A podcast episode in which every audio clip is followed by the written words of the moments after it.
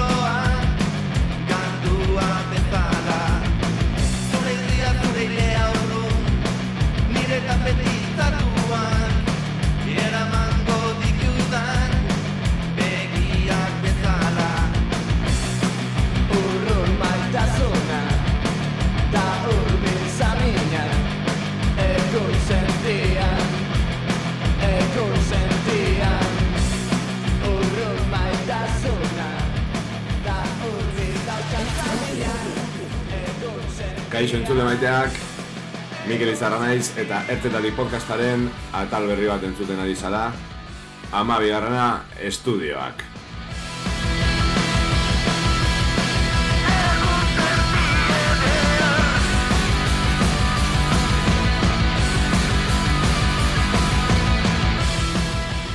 Dakizunez, ertetatik atal guztiak entzun gai dituzue EITB podcastetan eta baita zure podcast plataforma gustokoenean. Aurrekoan jarkoreari buruz hitz egiten egon ginen hainbat gonbidaturekin, haien artean Bulkeko Andoni de la Cruz abeslaria, diska berria aurkezten Bulkez da. Eta oraingoan estudioi buruz hitz egiten egongo gara ertzetatik podcastean, edo estudioetan gertatzen denari buruz, ez? E, grabaketa prozesuei buruz, Urrengo gonbidatu apartak eh, lagunduko digute estudioetan gertatzen dena apurtxo bat sentian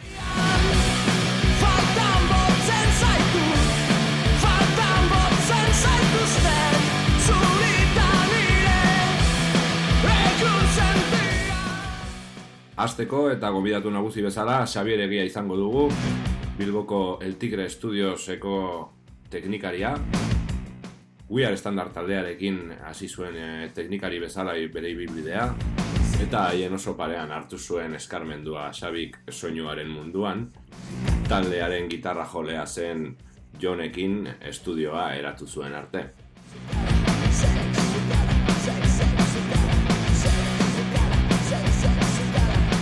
Eskarmendu duna ere bai, aritzarregi gure urrengo gonbidatua. Gazte-gazte hasi zen Elkar Estudiotan, eta gerora Garate Estudiotatik pasa zen bere estudio propioa izan zuen arte. Berritxarrak, Barrikada, Kenzazpi, Kaotiko, Abeas Corpus, edo entzuten ari garen Kuraiaren diskak grabatu izan ditu. Eta gainera, M eta Sen taldeetan parte hartu du.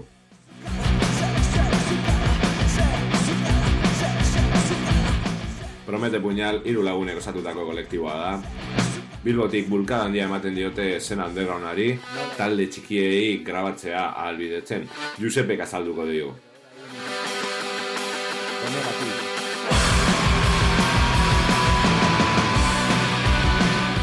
Bukatzeko Martel Arkazorekin egongo gara izketan, Rukula taldean pasua jotzen du, baina Garate estudioetan ere lan egiten du. Estudio mitiko hauetatik, Euskal Herriko talderik esanguratsuenak pasa dira. Hala nola, RIP. Eta gainera Martxelek bere lehena biziko grabazioa Sexy Sexena izan zela esan dezake, ez da makala. Ongi etorriak ertzetatik amabegarren saiora, estudioak.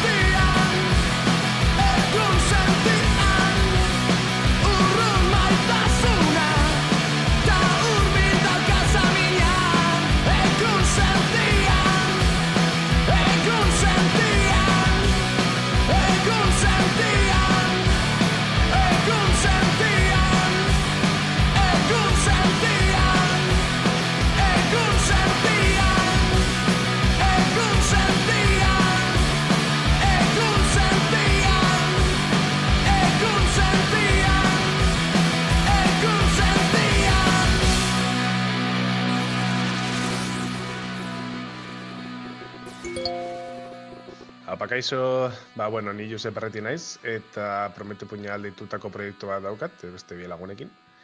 Egiten duguna ba, da musika talde berriei merke grabatzea, eta, bueno, e, gure inguruan gertatzen dena, ba, mundu guztiak ezagun desan. E, teknologia erabiliz, ba, soinu profesionala lortzen saiatzen gara, eta bitartean, ba, taldei nola grabatzen den ere erakusten diegu. Eta, bueno, erabazten dugun dirua material gehiago erosteko da. Osea, ez dugu gure poltsikoan sartzen. Ba, 2000 eta bederatzean hasi ginen. E, garai hartan kekoetanik pinango pop deituriko taldean jotzen genuen, eta aste nagusiko lehen egunean hanbigun bolo bat lortu genuen. Eta, bueno, hori guretzat brutala izan zen, eta kontzertua grabatzeko materiala erosi genuen. Eta gero, bueno, material horrekin taldea grabatzen hasi ginen. Lehenengoa fiambre izan zen, e, baina oraindik ez genuen izenik. Eta gero, ba, Ruben moskortuta engainatu genuen talde asko ezagutzen zituelako, eta horrela bihurtu ginen promete puña. E, bueno, teknikari bezala gustatzen zaiguna ba, taldeak ezagutzea, estilo berriak ezagutzea, eta taldeko pertsonek ezagutzea ere ba, asko gustatzen zaigu, lagun asko egin ditugu, eta bueno. Referentziak ez ditugu asko, baina nik esango nuke Steve Albini dela nagusiena. Metz taldeko Atlas Bending diska pilo bat fosilatu dugu. The Covenant taldeko grabazioa asko goratzen dut. E, oso ondo pasatu genuelako eta grabazioa eta ondoren lagun bihurtu ginelako. Bilintzena ere oso jatorrak direlako eta bestiak oso onak direlako. Etortzen diren taldeak normalean parrandan ezagutzen ditugu egia esan da. E, gehien betetzen diren eh, aurre iritziak dira musikari guztiak bere soinuarekin e, ba oso tontitoak direla eta alkoholikoak direla ere. Ba, gure kasuan, baietz esango nuke. Adibidez, gure estudioan grabatzen diren bateriak soinu oso partikularra dute eta grabatu ditugun gauza guztietan ba, soinu hori dago, ez? E, teknikarian sormenak gehitu aldu grabatzen dagoen musika ezagutzen duenean, nik esango nuke. E, adibidez, nik errege abesti bat grabatu nuen igual orain dela hamar urte, beste estudio batean, eta teknikariak gitarraren volumena transmetalan bezala jarri nahi zuen, baina ez zuen erregea ezagutzen, ez? Baina estilo ezagutzen duzunean, nik esango nuke e, baietz, e, sormen lana bat dagoela edo egon beharko zela. E, or, gure kasuan horretan Ruben funtseskoa da, ze, estilo eta talde guztiak ezagutzen ditu, beraz, oso erabilgarria da. Ertzetatik, ertzetako soinuak, erdigunera, dakarren espazioa.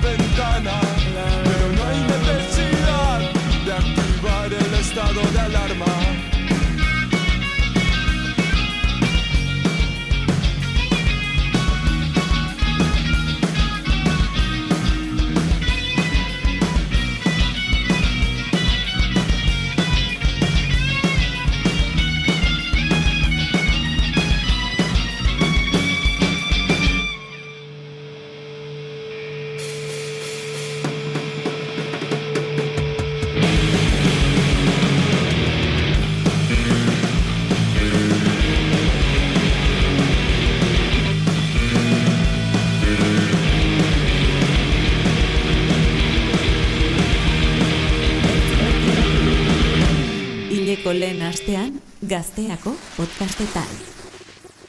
Bagaude, ertzetatik saioaren amabaigarren atalean, gaurkoan estudioi buruz hitz egingo dugu, badakizu etiko bezala, e, ba, zera, e, kontzeptu oso, oso zabalak ekartzen ditugu, eta, bueno, estudioi buruz, baina baita ere, grabazio prozesuei buruz, edo prozesu teknikoei buruz. E, ba, bueno, musika munduan, ez dakigu e, behar duen garrantzia ematen zaion grabaketa prozesuei, eta batez ere teknikariei eta grabatzen dutenei, ez?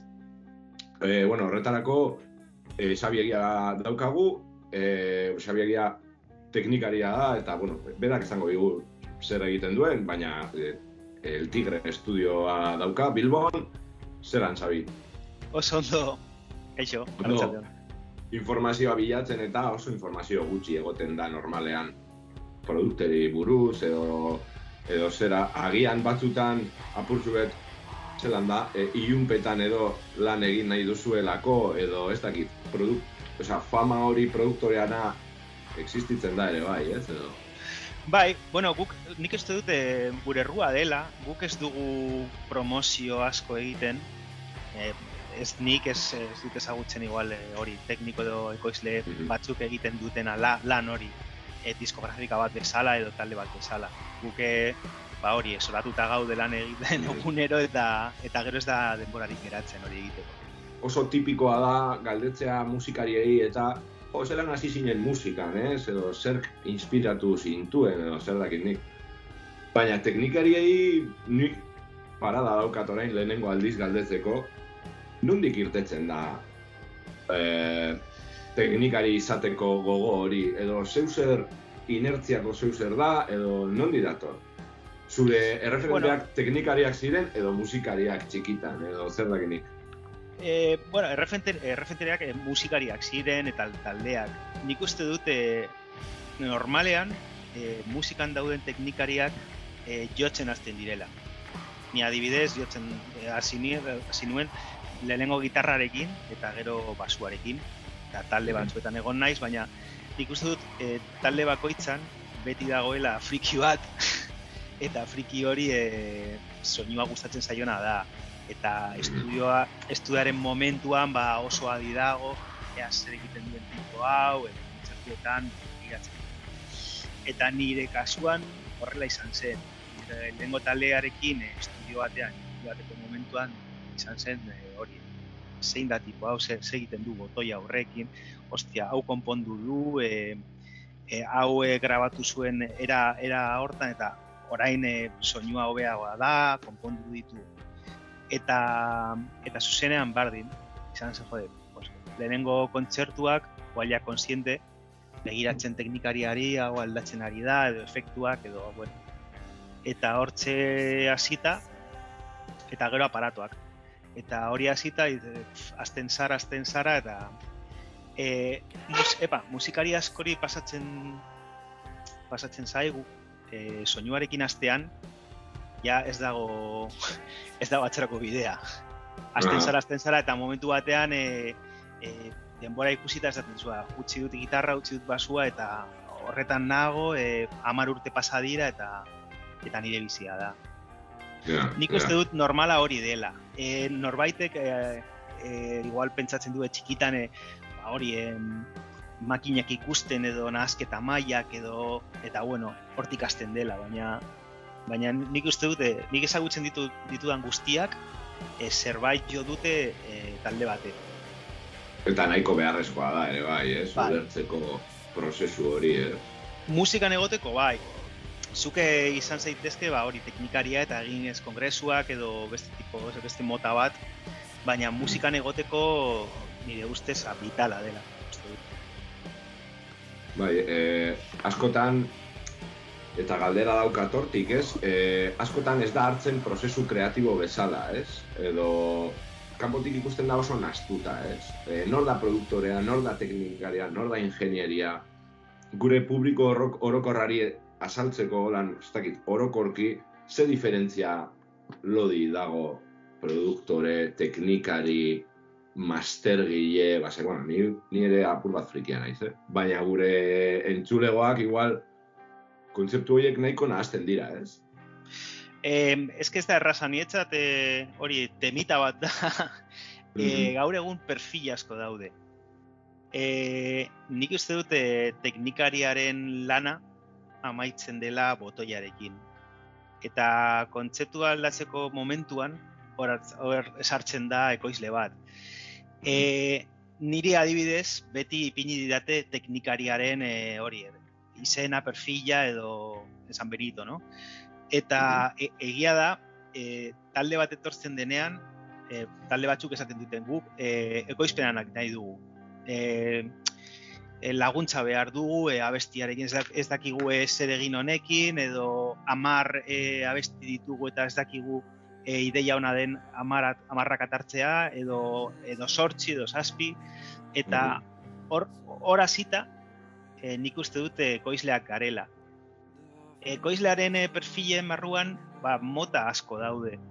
E, gaur egun normala dena da hori ekoizle teknikaria. Zu ja, joaten zara estudio batera, eta e, teknikari bat eskatu eskero, hor egon behar liteke pertsona bat e, lana egiten. Zer nahi duzu? Nik gitarra nahi dut horrela. Nik horrela ipintzen dizut. Nik gitarra gora nahi dut, gora. Ni bateria, baina Mhm. esaten badizute, joe, e, zuk e, erabaki behar duzu hau, edo zuk nola egingo zenuke, edo toma hauekonak dira, txarrak dira, horria sartzen zara taldearekin. Orduan nire ustez hori ekoizpena da. Eta horren barruan e, nivel ezberdinak daude. Baina hori ekoizpena ia beti egiten da, ez? Osea, Bai. ia, ia beti. nik beti egin dut. Etorri dira batzuetan e, e, talde batzuk eta esan- dute, ez dugu ekoizpenarik nahi. Orduan zuk lan egiten duzu, eta kitxo eta bikain. Eta igual momenturen batean duda bat dago. Edo jonekin egin dugu bikotea. Bera ekoizpena eta ni teknikaritza. Eta jon erabakit, erabakitzen du dena, eta nik eh, lan, teknika, lan teknikoa egiten dut. Esaten dit, Xabi nahi dut, eh, ez dakit, bateria honela, lo-fi edo distortzioarekin eta nik operatzen dut. Baina bera erabakitzen du. Mhm. Hori eh, lehen egiten zen, igual, eh, ez dakit, eh, eh, direla hogei urte. Baina nuk guk lan egin dugu mota horretan, baina Mhm. normalean dena egiten dugu.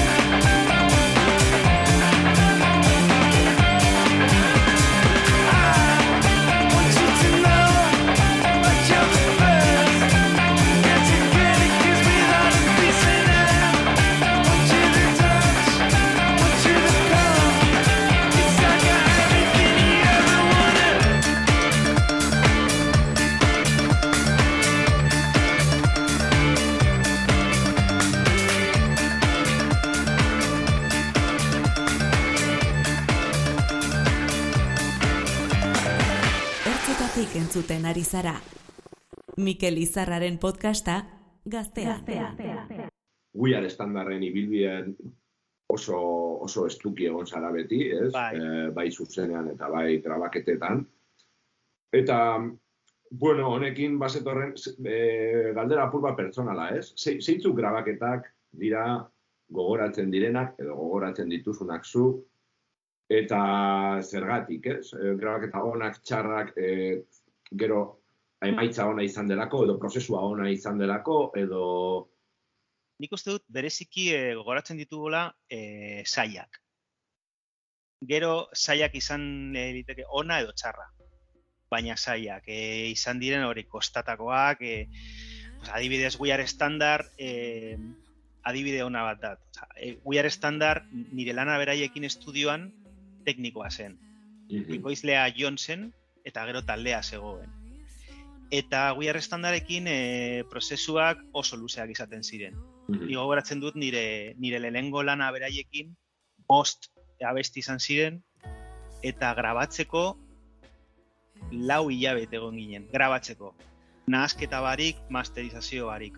E, e, lau hilabete egunero estudioan, sortzi ordu, Ostras. dena prestatzen, e, hau, sinte hau, e, venga, joango gara hemendik. E, ez, ez, ez, ez da izgustatzen, venga, hemendik. Claro, E, hor zegoen eragile bat ere bai, UIAR estandarrek ordurako, momentu horretarako, apustu tekniko eta soinu apostu oso latza egin zuena, Bai, ez? bai, bai. Oso kaineroa. Eta karo, hor ikerketa bat egon behar da, imaginatzen dut, ez? Bai, ordu asko, e, pentsatzen ordu asko hitz egiten, e, ordu asko e, janari batean, e, hau ez doa ondo, e, aldatu behar dugu hau, e, ideia bat geneukan, baina ideia hori ez da ona, oz, ez, ez zaigu gustatzen, beste leku batera joan behar gara, eta luzea eta zaila izan zen, baina oso berezia. E, elkarrekin egon ginen, lau hilabete, e, familia bat bezala, eta eta hori ba ondo gogoratzen dut. Beste grabazio batzuk oso zailak gogoratzen ditut, ba ez dakit, e, taldearekin ez zaude igual oso ondo, igual pertsonalki diferentziak daude, e, zuk ikusten duzu beraieke oso argi dutela, baina ez, ez, ez dela funtzionatzen, ez ez dakit. Eta Mhm. hori gogoratzen duzu, ba hori, e, zaila, luzea, hori da. Ja. Baina nik uste dut beti gogoratzen dituzula e, grabaketa zailak, desafioak, e, Eta zelan etortzen dira taldeak, ba, zelan, zelan datoz eta zelan etorri beharko litzateke talde bat, entzuten gaituen erentzako, ez? E, talde bat badaukazu, zein da momentua estudioa joateko, eta zelan eraman behar dira kantak, zelan eraman behar dira instrumentuak, eto. E, nik ez, dak- e, ez, ez nago seguru e, erantzun da duda. E, batzutan, e, gertatzen dira gauza batzuk taldearekin, talde bat etortzen da flojo, etortzen da prestatu barik, baina estudioan zerbait gertatzen da, magikoa, eta gauza gauza txuloak ere agertzen dira, baina normalean nik e, uste dut e, hori teknika, instrumentoak, e, hori gauza horiek ondo egon behar direla Mhm. estudioan tranquil egon behar zara, e, Jon eta biok e, hitz egin genuen tigrea zabaltzean, e, gure desafioa e, taldeak ondo pasatzea, zela. Hori desafio bat, e, zela, e, zen guretzat nik estudio askoan egon naiz eta Arrotzak, ez? Edo... bai, Askotan eta- musikarientzako ez da momentu oso, ez? Ez. Mm. Ez, edo, jo que se, tamen, pentsatu behar duzu, batzutan taldeak, e, ez dakit, abeslaria adibidez, e, ba, fabrika baten lan egiten du. Ateratzen da, e, zeit erdietan, etortzen da estudiora, jota, e, abestu behar dago, igual arazo bat euke du e, gurasoekin ez dakit. Ja, ja, ja. Eta, eta oberena, estudioan e, ez baduzu arazo barik e, gitarra batekin, afinazioarekin, edo ez dakit zer egin behar dudan hemen, edo dena hori e, gaindituta badago, dena errezagoa da, dena alaiagoa da. E, taldeak etortzen dira, ba hori bere bere emozio guztiarekin, bere diska grabatzera, bere abestiekin, eta batzutan etortzen dira ikusten, e, ba hori, e, gauza ez, ez diren garrantzitsuak. Ez da, Ja. adibidez, e, nire pedal hau erabili behar dut, hau ero, e, erosi dut e, abesti baterako, momentu baterako, igual momentu horretan, abesti horretan, pedal hori ez, ez doa. Adibidez, no? Eta berai, beraientzat da horrelako afrenta bat, edo nire basua, em, erosi dut e, ez dakit non, eta Ja. baten bat e, etortzen da bere instrumentoa e, perfektoarekin, badaki zer egin behar duen, profesionalak. Eta hori errazagoa da dena, beti. Baina, bueno, nik uste dut taldeak hortik pasatu behar du dela, eh?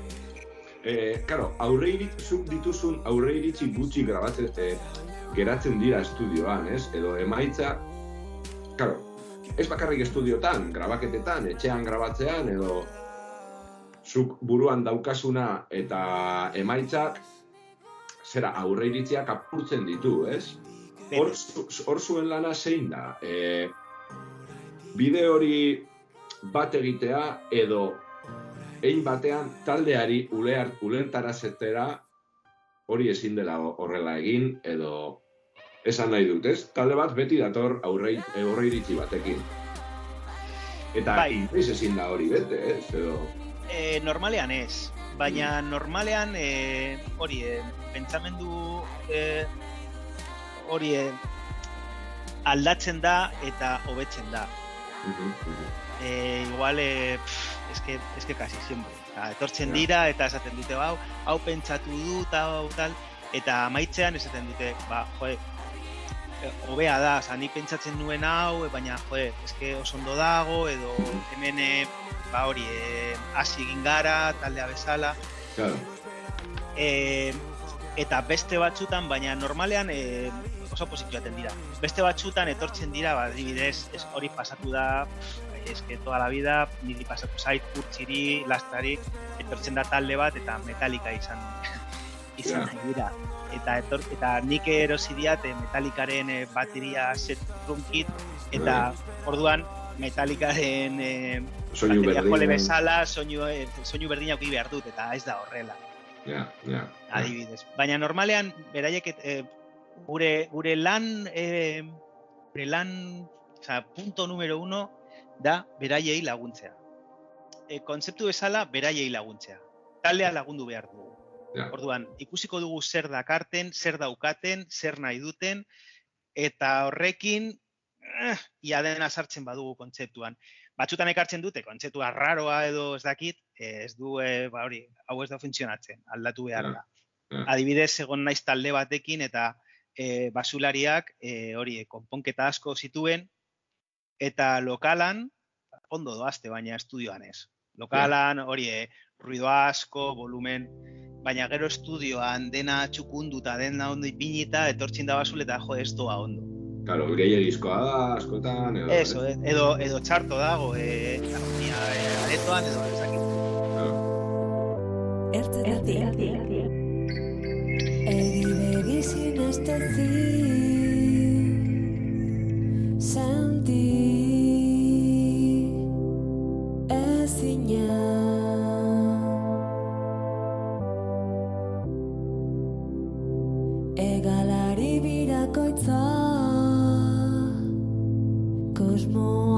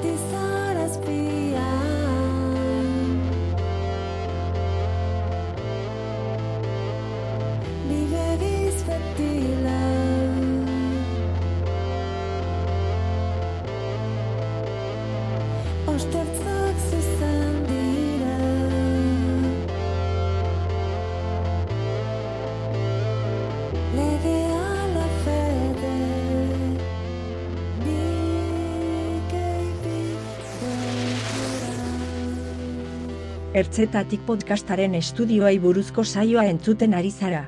Urrengo gonbidatua, Aritz Arregi.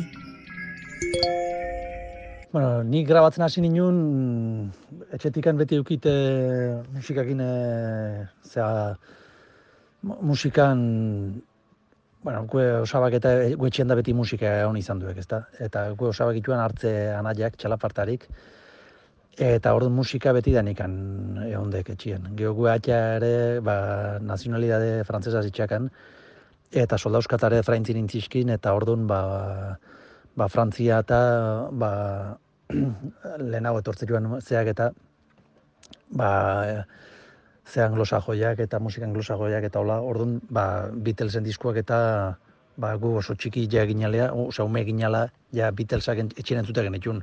Eta gu osaba Jesus, e, txalapartari jabitere orduan gure etxian bizi izan, eta ba, Jimi Hendrixen diskak, eta bustek, bustokeko zuzenekuak, eta horitanak etxian bagenitun. Orduan disko horiek eta ja- entzute genitun. Eta, bueno, pues, e, hola, ba, ba, musika, musika, musika, musika, ba, itxizitean e, jauitu gel diska, hace dezena, ja, pues, amairu urte o nitunian, eta ja sonidoekin ja flipatu nun, ba, diskorrek ja nola sonatzezun. Netzako zan la ostra, diskorren sonidua, energia, dena, pues, e, azkeneko kantuan, e, Bon Scotti nola entzute zaion, ez bateri joliai nola arnaz sartzen eta ba, bon eskoti izango da, barkatu. Bo, arnazan nola hartzen da kantuan nola sartzen dan, ba, dala hostia. Pues ikustea, ze gauza, eh, nola, nola ite zituen garai hartan diskak, ez? Eta hor, ba, sartze, ja sartu zitea bizkat, ba, ba, tekniko izateko ze hori, eta txiki txikitetik oso garbi eukinun.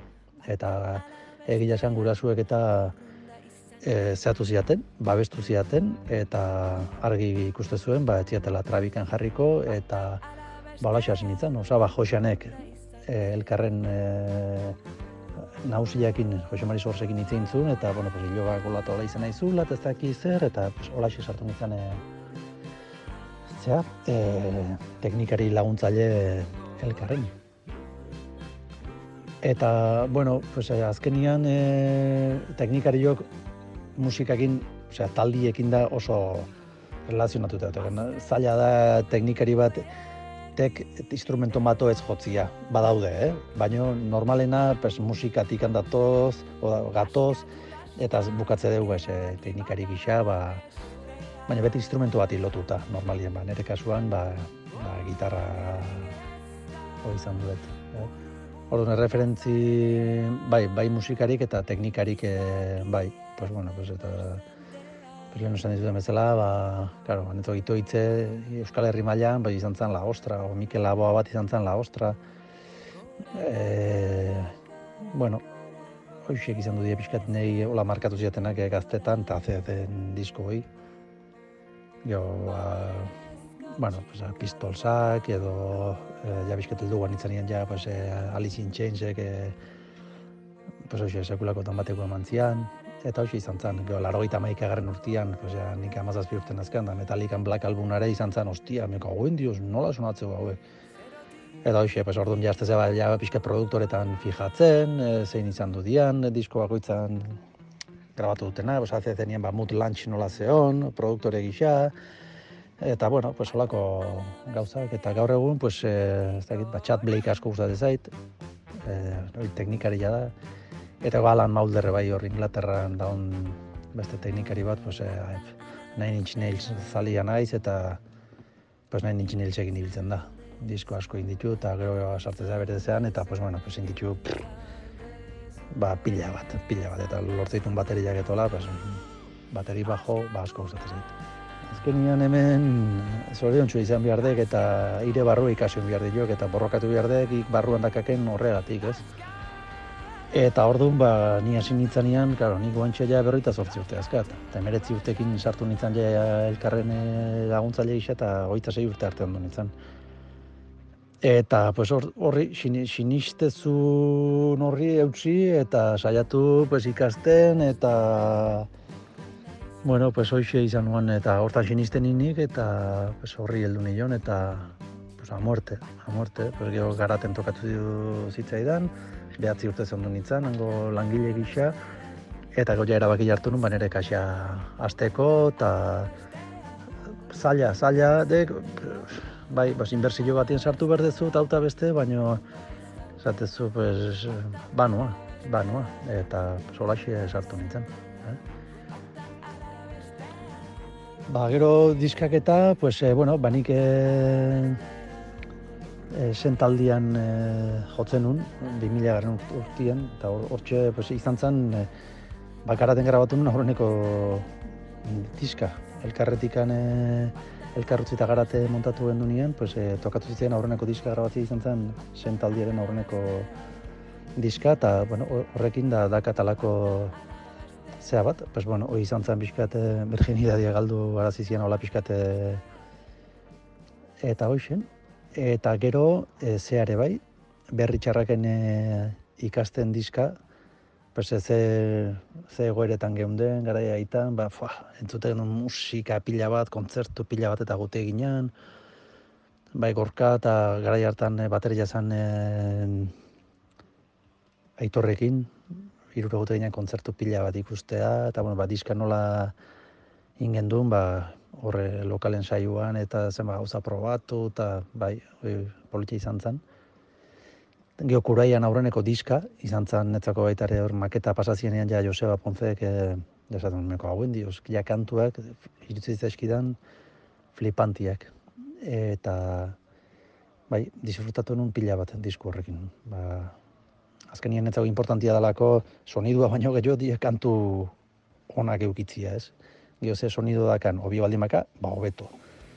Baino abesti onak behar ditu disko batek, edo talde batek. Eh. Gero, hoi da, gero barrikadan aurren aurreneko grabaketa inuna izan zen, hor e, rekopilatorio bateako intzuten, Silvio Rodríguezen bersio bat etorri zian, eta hor pues, izan zen la hostia. E, pues, talde hori zautzia, eta ba, zemaitagarri zian bai drogaz, eta bai boni. Eta hori izan zen, eta gaur egun, ba, ba guen digan relazio handila daga drogasekin, eta bai, asko itzeite deu, eta bai, oso oso ondo konpontzea, eta hortun hasi zala, eta bai, orduan horritzapen oso politia dakate grabaketari buruz. Ez ari, leheno igual eh, preparatuak etortze zian, ba, etzeolako gaur egungo teknologian ze hori, ez? Eta gaur, ba, gaur asko ze gauza gehiago konpondu datxezke, orduan, pixkat, bai etortzen diala nere ikuspegira pues, relajatuguak. Leheno, ojotze zen duen, ogetzen duen sonatzen. Eta leheno, kantua, pues, earki ensaiatuta etortze zinen e, lokaletikan. Eta talde honak ba, ondo sonatzen zuten, eta ez zutenak oso ondo gotzen, pues, ez zuten sonatzen. Eta gaur egun, ba, bueno, pues, bai etortzen diala, pues, asko ze gauzak e, ez hain, hain landuta lokalian. Landut esan nahi dut, igual bai kantua, ez, ba, ordenadoriekin da montatzea ituztelako, eta partiak eta hola, baina gero jotzeko garaian eta hola, ba, bueno, pues ez dia, ez dute hain, bueno, hain potentiak igual ez dia jotzen. Eta, baina, horrek ez du esan nahi, kantu zeagoa egite, kantu onak ez dituzten ikan egiten, eh? Ne, horrek eh, egile esan, ba, aldatu indu asuntua. Claro, ja maketa egite dituzte asko etxian, ez? Eta, bueno, pues, eh, claro, eh, estudioan gauza asko dira prueba error, prueba error. Iristeko e, buruan dakazun hortara, ez? Eta, bueno, orduan, ba, gaur egun dauden herramientakin eta hola, ba, ze esan ikan, ez? Ze mila aukera dazkazu. Orduan, claro, maketak, pues, ahotsan efekto bat lortzen dute etxian, ez dakiz zer pluginekin eta bar, eta, bueno, ba, claro, eske nina dut, eh, justu sonidu hoi eta ez dakiz zer. Eta nik egile esan hortan, nola ezagaten ingo arazoik, ez ba, i, ba, ekarri pista hoi, eta o, esaiazu ze plugin dan, da ez dakiz zer, eta, bueno, pues, o, demoa jetxiko deu, lo que sea, eta egingo deu. Eta, eta ez daka besteik eske hola da ho asuntua. Orduan, pues guk hortara moldatu behar deu. Ezin nik ez dakate inongo, eske joder, eske oain da puta mierda bat, ez dakiz zer. Ba, ba, hoi da esatia bezala, ba, regeto ja puta mierda gure seme alabei, ez? Nik nire alabai, ba, ala, entzuten du regeto ja. Eta, bueno, pues es, es que nire nire hasiko esaten da puta mierda badala. Pues, gure gurasoak esate ziguten bezala, pues, pues gure guk ez zuten musikatik antzala parta bakarrik antzala.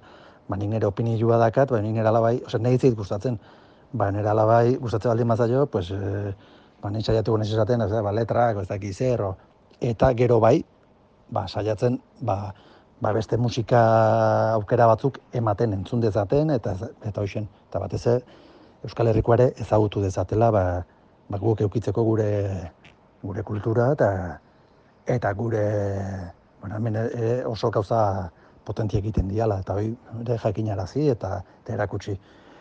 E, ordune, pues hoxen, ba, ba, teknologia berri eta hauek, pues, ba, ba berdina, pues, e, galtzen du autentizitatea, nik ze esan behar diote, e, hogeita bi urteko gazte bati. Ez, e, pff, puto viejo aldintzak, ose, me la sopla. Zuen garaitan nola ite zan, guain nola hau, hauek, hau, hau ikus- ikusi dute, eta hau dakate, ordu, pues jazta. Eta, bueno, pues horri heldu, eta... Eta hoxe, hoxe gepa. Ondo izan, Mikel? Ertzetatik.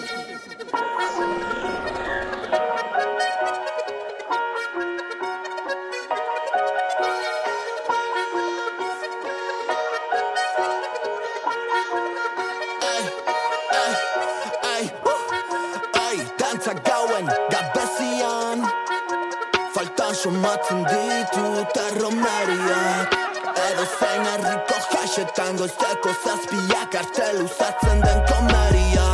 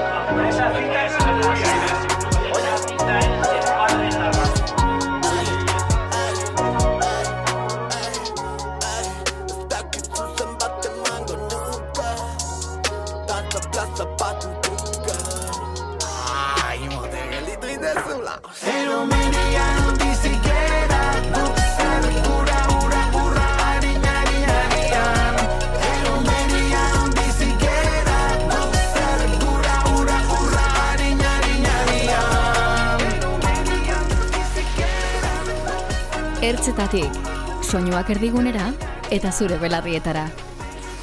Lan kreatiboa da zuena, esormena laltzen da. E, teknikari batek ezagutzen ditugun teknikari famatuak, Steve Albini, zer dakit nik. E, utzi behar dute euren sinadura, Alde batetik, e, estudioetan soinu bat dago.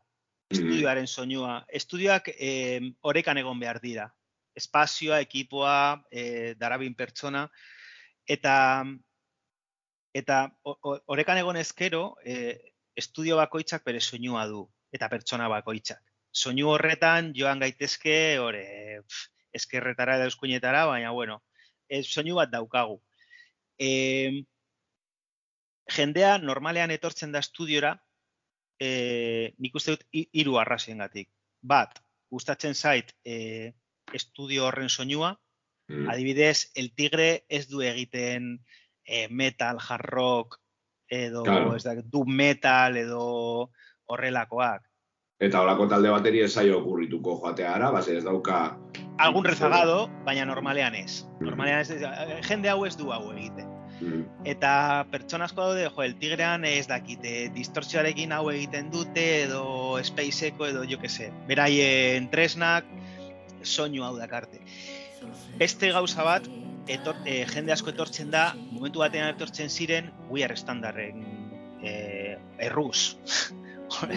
ez, ez dakite sinteekin tresnak eta erabiltzeko eta soinu hori bukatzeko. Eta gero, e, beste gauza bat dago ekoizlea dena. Bere arregloak, bere konponketak, bere musika, bere ideia. Jon adibidez, elektronikan e, hori, gauza lan asko egiten ditu eta bere soinua dauka. Orduan jende asko dator, tipo hau egin dezaken ni dei dudana. Mm-hmm. Hemen sartuta dago. Beste tipo hau oso, oso ondo egiten du ez dakit errege. Mm-hmm. Baina ez da hau, e, hau ulertzen. Orduan, Albini, adibidez, e, bere, bere gauza espeziala, e, ez dakit da, bere materiala, bere tresnak, tresna oso antiguak ditu, bateriak, gitarrak, bere estudioa eta bere filosofia grabatzeko. Mm-hmm. Eta Albini, e, nik entzun dudana, nik e, talde batzuk ezagutzen ditut, beraiekin lan egin dutenak, eta e, e, niri esaten didatena da, Albini ez du, ez du nahi ekoizlea izan, musika ekoizlea, soinu ekoizlea baizik. Mm-hmm. E, nik e, ikusten dudana hau da, zuen soinua hau da. Baina ez da sartzen igual e, harmonia hau aldatzeko, Ja. edo ez dakit. Mm-hmm. E, Apur bat txap, txap bezala, ez? Hemen daukagu Euskal Herriko... Txap, bai. Ideia, ideia bat du. Eta ideia e, hori oso erakargarria da jende askorako. E, Inaut Butzala, Astañaga, adibidez. Ideia bat du, soinu bat du, eta jende esaten du, joa, asko, gust, eh, gustatzen zait, eta beraien garaian naiz. Gero, adibidez, Rick Rubin ez da sartzen musikan inoiz. Rick Rubin beste ekoizle tipo mota bat da, ez dakit. Eta Rick Rubin eh, hori, eh, ekoizle batzuk daude, beraien eh, eritzea ematen dutena. Hau ez da ona, hau da, hau eh, funtzionatuko du, hau ez, hau exito bat izan, izango da, hau ez, ez dakit. Eh. Hori eh, intuizio hori daukalen dukana. Igual momentu hau ez da ona e, gitarrak egiteko, momentu hau ona da ahotsak egiteko, abeslari honek e, abestu behar du arratsaldeetan, ordu hauetan. Adibidez, e, egin dute hori, e, uda, bueno, urte honetan, pasadan urtean, lukieken bigarrena, Mm-hmm. eta adibidez, ez dakit Josuri e, gustatzen zaio abest e, egitea arratsaldeetan, gero hitz egin genuen ba e, ia saiatuko gara abesti hauek ia e, lortzen badugu e, gaban grabatzea.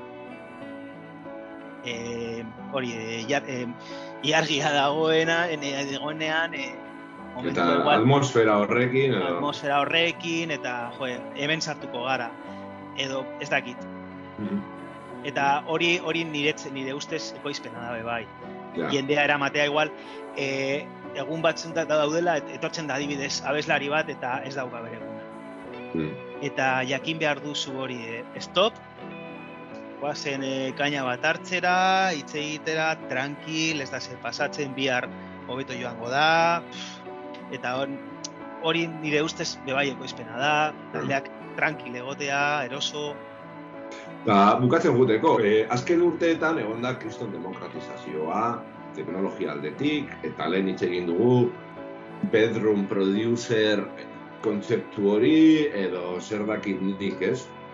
Honek, ogibideari alde batetik zuen ogibideari, eta beste alde batetik musikari generalean kalitateari, edo ez dakit zelan deitu horri, zelan eragin dio, mesede egin dio edo kontra egin dio.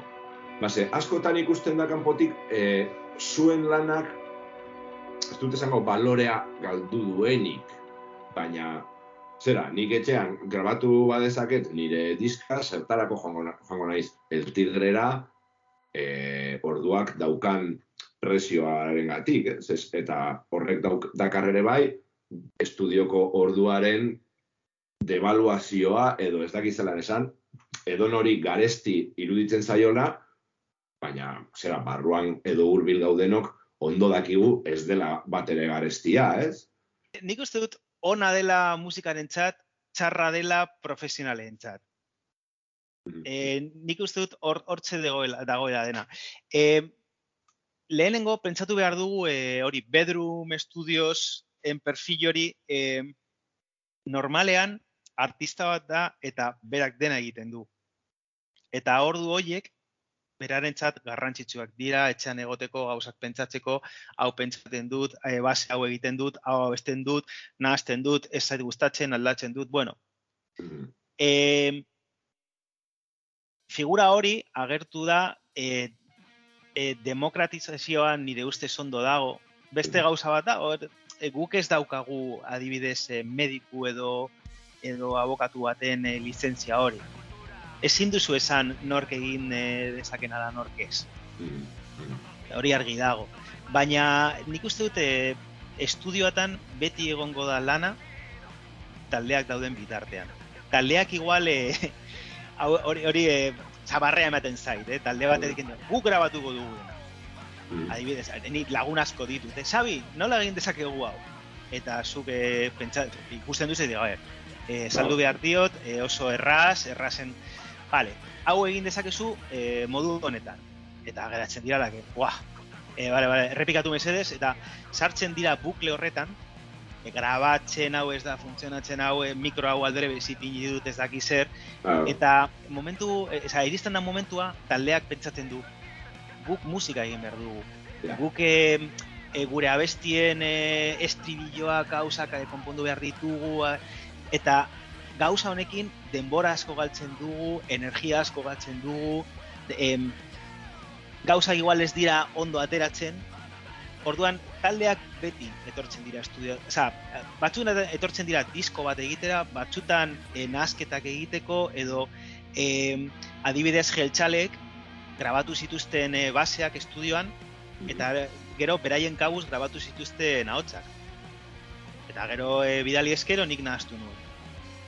Ah, Ondo da, osea, beraiek denbora behar dute, talde bat da, ta- talde berri bat da, e, e, abesti berriak, e, abeslari berria, orduan ba ondo dago, baina taldeak eh, ez badago figura bat hor eh, badakiena zer egiten duen, beti etortzen dira estudiora. Da. Normala da. Eta bestea hori eh, urban music, rap, eh, hori beste motako perfil bat da. Hartzen dute baseak edo zerbait ez dakit, ez dakit zer eta abest, beste beste beste gauza bat da. Bueno, oraintxe urtea hasi dugu oraintxe, e, baina ez dakit, ze grabaketa hola guai dekozuz egin dituzunak, edo ze etorkizuneko plan dekozue, el tigren, e, esan, aldena, noski, esan aldena. Bai, bai, bai. E, ba, ez dakit, e, momentu honetan e, nik amaitzen ari nahi, oza, amaitzen dut e, urtea orain. Eta Ja. 2008 bat izan da, e, de locos, e, streaming asko egon da, lan egiteko e, belakorekin. E, etorri dira talde asko, etorri dira, e, 2008an e, jauzi ziren proiektuak, etorri dira gehi e, etorriko zirenak eta gehi hiru edo lau puntazo de grabatuko dugu orain. Holan. Orduan eh, lan asko uki dugu eta eta ondo. E, Eta hortik talderen bat, diska bat, diskaren bat guapoa gustatu zaizuna, edo hortik, edo... ni lukiek maite minduta nago. Lukiek Bai. egon da Agari, adibidez, egon da Esara Zaia, egon da e, Eta etorkizuna generalian, e, orduan estudiotan, zera, egongo da etorkizun oparoa, ez? Taldeak dauden bitartean behintzat. Nik uste dut baietz, e, baina pentsatu behar dugu lan hau e, oso, oso zaila da e, estudio bakarran izatea. Ez, em, Jon adibidez bere produzioak ditu, bere moldaketak, bere grabazioak, nik eh, zuzeneak egiten ditut belakorekin, el kolumpio. E, oso zaila da bakarrik estudioarekin e, aurrera joan. Hori hori bai. Mm. Baina estudioak eh, beti, bet, ni- nire ustez beti beti dutela lana. Ba, tope. Eskerrik asko, Sabi. Zuri. Eta ia, urrengoan esenatoki azpian gauden, gure kasuan azpian. eh? Ontsasiko da movida, eh?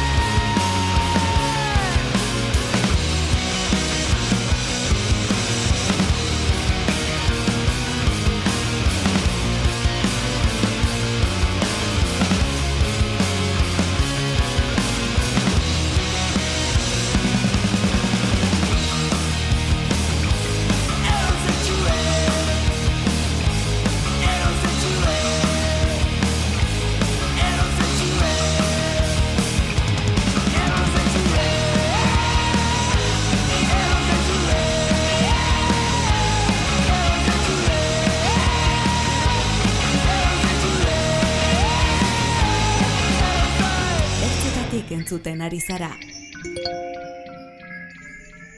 Kaixo, ni Martxel Arkadazo naiz, soinu teknikaria eta rukulako basu jolea. Bagarate Studios proiektua niretzat, ez dakit, txoko bat da musikarientzako sortzeko, pixkat e, gaur egungo en, zibilizazioen estresetik kanpora joateko, ez? Hau mendian dago eta azkenean pixkat aislatzen zaitu en, iriko estresetik edo gizakien estresetik eta pixkat nik uste nuke leku oso oso egokia dela ba, ba sortzeko. Ba, talde batzuk aipatzearren, eta bueno, lehenengo etorri zaizkitena burura, e, ba, ez dakit, Joseba Tapia egon da, Neona, Odolaren Mintzoa, Jo Zierbo, Iafara, Gailu, Anari, eta bantxo bertan, ba, Rift Trackers zen diska produzioa prestatzen nahi geha eta eta arrukularen diska bukatzen. 2000 eta bost, 2000 eta sei hasi nintzen teknikeri bezala grabatzen. Ba, lehenengo diskoa tekaztuko inoiz, zantzan 66eren iluntze berri bat. Ba, egia zen enun, eneukan pentsatua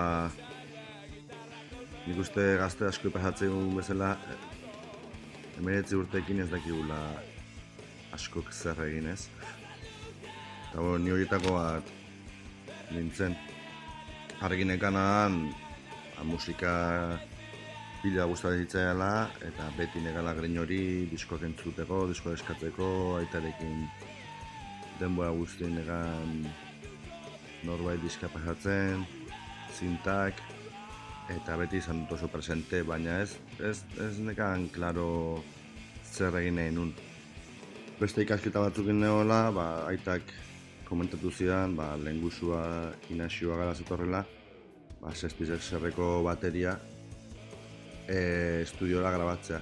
Eta nien nola oso motivatua ikasketa horiekin alatu zidan, haber, haber ziruti zitzaidan, ba, ba behai grabatzea. Eta hola nintzen. Osta, egia esan, azkenengo grabaketan egunean, eroitak nastu zuen. Eta azkenengo egunean, ja, zuzenekoak egiten hasi nintzen. Edo saiatzen. Gero bai, hortik kontuatu nahi zela, ba, ba asko disfrutatzetela ba, estudioan gehien bat, zuzenekoak dugu gustatzen zaizki, baina asko gustatzen ba, hori, taldearekin esperientzia hori bizitzea, ez? Osea, estudio notea, zer sortzen, e, nik uste oso gauza potentea dela, eta asko disfrutatzen dutela. Ba, aldatzen joan zela esango nuke. Hasieran musikaria zian, eta pixkanaka, ba, bueno, grabaketa munduan sartzen hasi nintzanean, ba, ja, hasi nintzen frekeatzen, ba, produktoreak, teknikoak, nola grabatzen zuten, teknika zaharrak, eta pixka, pixka hori denak deskubritzen ez. Gogoratzen dituzunak, parte sentitu zean grabaketak ez. Ez da, talde asko tortzen dira gauzak oso argi ditutenak ez, eta beste batzuk, ba, bueno, ba, zurekin lan egin nahi dute, eta zure, zure parte hartzen nahi dute gehiago, eta nik uste azkenean, horiek direla gehien gogoratzen dituzunak, ez? Ba, nahi dute zait oso prestatuak etortzen diela, eta ba, garatera behintzat etortzen dira asko batera grabatzea, eta pixkat lehenoko grabatzeko erak bilatzen, ez? Ba, batera grabatu, eta inkluso analogikoan bobinarekin grabatzen, ez? Biniloa bultatu den bezala, ba, nik uste gazteak badutela kuriosidade hori, ba, lehen no, nola egite ziren gauzak, eta eta oso prestatuak ikusten ditut, egia esan. Ba bai, niretza sormen lan bada. Azkenean, etortzen zaizu musikaria bere buruan idea batekin, eta azkenean zuk erregistratu behar duzu, jendeak entzun alizateko, eta nik uste ezinezkoa dela zure eskua ez nabaritzea nasketa hortan edo edo erregistratze modu hortan. Grabatzen ari zenean, ba, erabaki asko hartu behar dira, ba, ze ampli, nola, ze mikrofonia erabili, nun kokatu, ze sala erabili. Horrek azkenean zure zure personalidadea ematen dio diskari. Hori musikariak erabakitzen du. Askotan teknikari lan egiten astezea eta azkenean ekoizle lanetan bukatzen duzu, ba, bueno, behaiek zuan konfiantza hartzen juten dialako. Beste kasu batzutan, ba, ba ensaiotara hurbiltzea, pixkat e, garaketarako dituzten ideak enkarbanatzea, ez, ikusteko ze idea duten, ze soinu bilatzen dituzten, pixkat, esango nuke, lanak aurreratzen joatea, gero e, estudioan dena fluidago jun, jun dadin, ez. Nik uste honek pausu hau importantea dela eta horra taldeki dago eta ezautzen duzu eta plus badela grabaketa grabatzea juten dira momentuan. Ertzetatik.